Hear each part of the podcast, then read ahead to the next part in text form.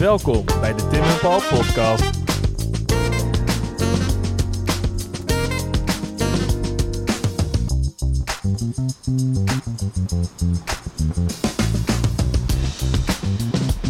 We zitten hier eh, op de Churchilllaan ehm, voor de volgende episode in onze eh, serie Keep or Cancel. Ehm, maar eigenlijk, Paul, ehm, begrijp ik niet zo goed waar je me deze keer mee naartoe hebt gebracht. Nou ja, We gaan, we, gaan, we gaan een stukje oppad op de befaamde Churchill-naam waar we het net over hebben gehad. Maar ehm, We zitten hier voor het beeld van eh, Gandhi. Ja, En Mahatma Gandhi staat voor ons neus. eigenlijk ken ik hem vooral als iemand die heeft gezorgd voor bewustzijn, een soort van nationaal bewustzijn in India. Misschien ook de onafhankelijkheid Ja. van India. Ehm, Dit is, Gandhi is natuurlijk de man die, ehm, nou, niet, ik wil niet zeggen min of meer in zijn eentje, maar het boegbeeld is van de onafhankelijkheid van, eh, van India in, eh, in 47. En eh, ik denk als je weet je, een lijstje moet maken van... 1947, toch? 1947, ja, precies. Ja. eh, een lijstje moet maken van de grootte der aarde in de geschiedenis, dan kom je altijd uit bij mensen zoals Mandela, Anne Frank en, en Gandhi. ja, toch. Hij is ook bekend geworden door een soort van vreedzaam protest. Dat is- dat is zijn- Hij zijn- heeft toch, ik help me even, even samenvattend, gestudeerd in Engeland. Wel van Indiaanse komaf. Ja, eh, en op is- een gegeven moment heeft hij besloten: ik ga me in traditionele kleding eh Ja, kleden. ik ga sta- statements maken. Ik ga, Ja. ik ga me kleden zoals, zoals het hoorde eigenlijk. Ja, En, eh, Slippers. slippers. Hij staat hier ook. Dat beeld wat we van hem hebben hier is ook een ou- iets oudere man. Boek onder zijn arm. Wandelstok. op slippers inderdaad. en niet keurig driedelig pak. ja, want Eh, dat, dat was hij toch eigenlijk gewoon voordat het hij is gewoon, die man is gewoon rete slim. Heeft gewoon een beetje wel gestudeerd en alles. Eh, toch een is ook beetje iets- die, die, die Britse stip up. Stiff upper lip eh, dingen. Ja, dus hij kende, het, hij kende het koloniale systeem. En dat is op zich natuurlijk niet zo heel gek, want er was wel uitwisseling tussen, tussen, tussen de twee plaatsen. Hij is ook in Zuid-Afrika geweest tijdens de eh, Boerenoorlog bijvoorbeeld. Eh, dus hij, weet je wel, hij, hij, kende, eh, hij kende het systeem. Maar ja, hij is inderdaad bekend geworden vanwege zijn, zijn vreedzame verzet. En dat is nog voor steeds voor heel veel mensen, logischerwijs, een, een, een, een prachtig voorbeeld van hoe je dat zou kunnen, eh, hoe je dat moet doen. En misschien zou moeten doen. Toch? En zou moeten doen ook, ja. Want, want hij heeft wel gewoon door zijn agenda. En natuurlijk was hij ook niet alleen in, dat, in die kritiek.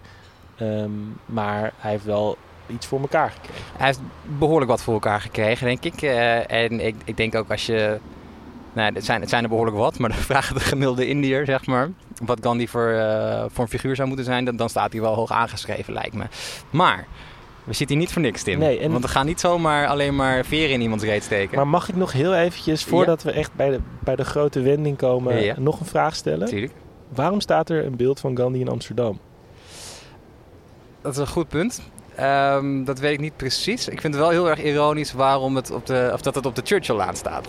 Ja, Dat is natuurlijk wel heel, bijzonder, want het zijn natuurlijk eigenlijk gewoon twee grote vijanden van elkaar. dat hebben we net ook al een beetje Ja. aangestipt. Eh, Churchill wil niks liever, niks liever dan deze mensen onder de duim houden. En hij wilde niks, niks liever dan, eh, dan daar vandaan komen. Eh, of onder die duim vandaan komen. Dus hij loopt ook weg van het begin van de Churchill-laan. Oké, is dat Eh, bewust? Dat, dat weet ik ook niet, maar dat vind ik wel een hele mooie, meer mooie symboliek. Maar er zijn, het is natuurlijk wel vreemd, want er zijn niet heel veel standbeelden in Amsterdam. Of überhaupt in Nederland. En dan waarom iemand zoals Gandhi? Ja, waarschijnlijk omdat het gewoon staat voor, waar we het net over hadden... voor het, het, het prachtige vreedzame verzet. Ja, En, en het pacifisme en hoe, hoe, hoe ga je om met, met anderen, zeg maar. ja, En dat is natuurlijk ook, weet je, dan weer de, de- het wrangen van wat ik nu ga zeggen. ja. Is dat er twee jaar geleden eh, op de Universiteit van Manchester in één keer een protest kwam tegen Gandhi. En dit beeld is ook besmeurd, hè? Is ook besmeurd, ja, vorig jaar. Ehm, en de, de- onder de leus Gandhi must fall. En dat is een leus die vaker wordt gebruikt in, in Engeland, ook over Cecil Rhodes bijvoorbeeld. Hè? Rhodes must, eh, must fall. Ehm, en wat ze eigenlijk zeggen is van ja, die Gandhi die was eigenlijk helemaal niet zo leuk. En dat is natuurlijk altijd een soort van, hè, dat is een beetje vreemd. Hè? Het- Een paar jaar geleden was het ook met eh, moeder Teresa die in één keer besmeurd werd. En dat mensen erachter kwamen van, god, deze vrouw is eigenlijk gewoon halve moordenares geweest. Dan ga je toch in één keer anders nadenken over geschiedenis. Maar wat heeft Gandhi nou gedaan? Of het protest vanuit Manchester wat kwam was Gandhi must fall omdat hij ehm, nogal veel anti-zwarte ideeën had.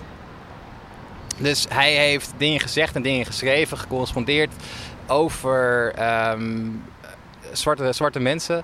Waarvan je nu denkt als je dat leest, goh, dat, daar moet je wel wat van, zeg maar, dat is Daar gek. moet je je van distancieren. Het moet, precies, dat, dat zou je niet zomaar moeten accepteren, zeg maar. Heb je daar een voorbeeld van, van de dingen die... Nou, ik ga die woorden niet uitspreken, maar je kan het gewoon keurig... eh, het is allemaal openbaar, dus je kan het gewoon... eh, Maar, maar oké, doe dan de N-word. Maar... Ja, nou, dat, dat is inderdaad eh, het N-woord of wat ze dan in Afrika gebruiken, het K-woord. Voor, nou ja, ik mag even zelf even uitzoeken hoe dat, eh, hoe dat verder is. Maar dat heeft hij dus regelmatig gebruikt. Hij is ook eh, een groot bewonderaar van eh, mensen zoals Adolf Hitler bijvoorbeeld, schijnt. Dus er zijn wel wat vraagtekens bij hem te plaatsen, zeg maar. Of in ieder geval in zijn schrijven. Niet, niet misschien in zijn doen en laten, maar wel in zijn, in zijn uitspraken. Oké, nou dan komen we wederom bij de hamvraag, Paul. Ja. Zeg het me, keep or cancel. Lastig, ik denk laten staan.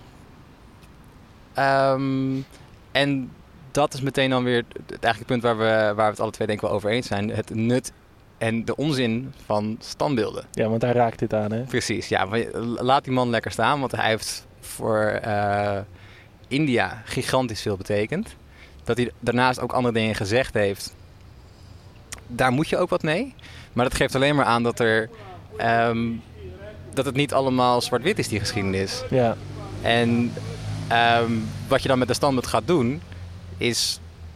Ja, je, je, je plaatst zeg maar een manifestatie van een tijdsgeest ergens. En dat is gek. ja. Dat is ook gek.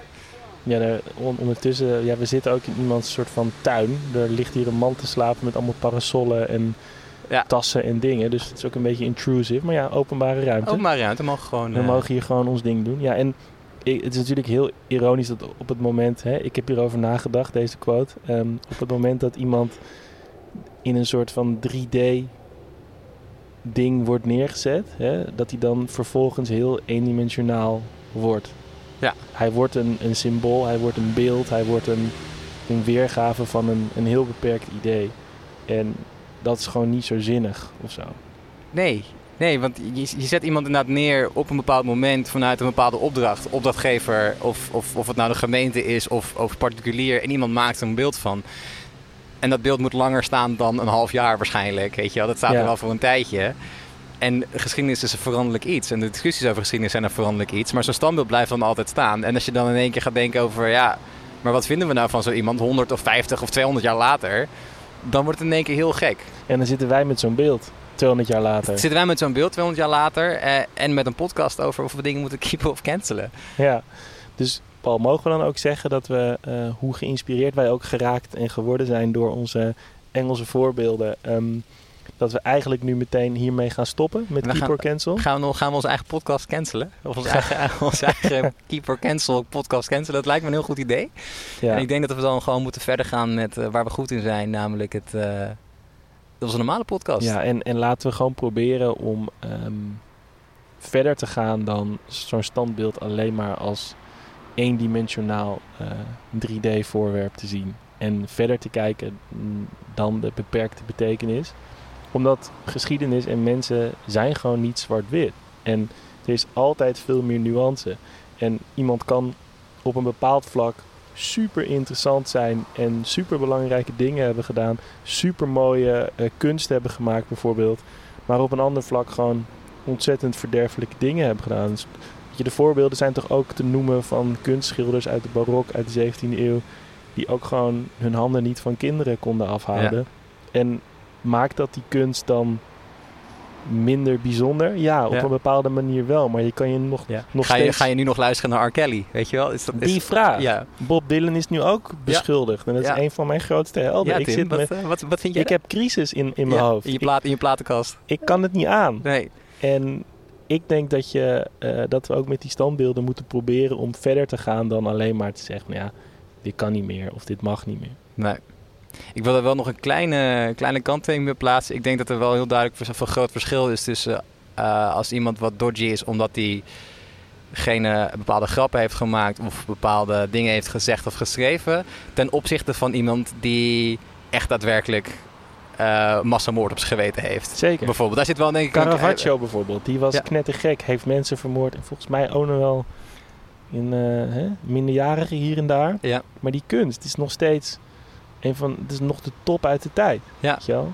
Maar ja, ga je, er- Ja. je moet het wel weten voordat je ernaar gaat Maar ja, kijken, denk het is ik. natuurlijk ook gewoon, weet je, ik kan het toch niet betalen om een Caravaggio Om thuis nee, te hebben. Dus de discussie is toch... Misschien eh, wel zijn petje af dan wat eh, beter promoten. ja, precies.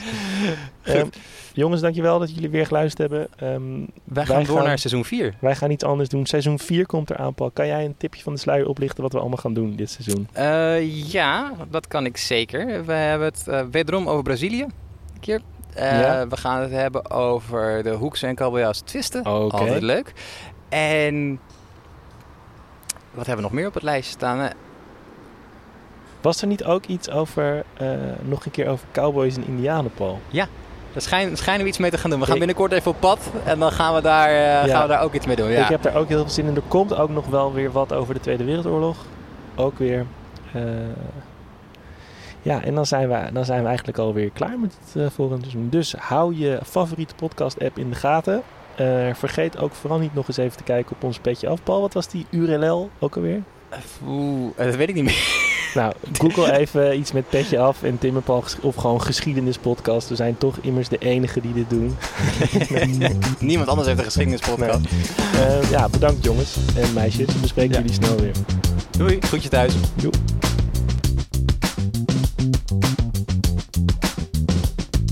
Vond jij dit nou een interessant verhaal en wil je meer over geschiedenis weten? Hou dan onze Instagram in de gaten. We zouden het ook heel leuk vinden als je een recensie achterlaat. Vijf sterren, mag gewoon. En heb je nou een vet idee waar we het over kunnen hebben? Slide dan in onze DM's. Durf gewoon te vragen. Tot de volgende. Groetjes thuis.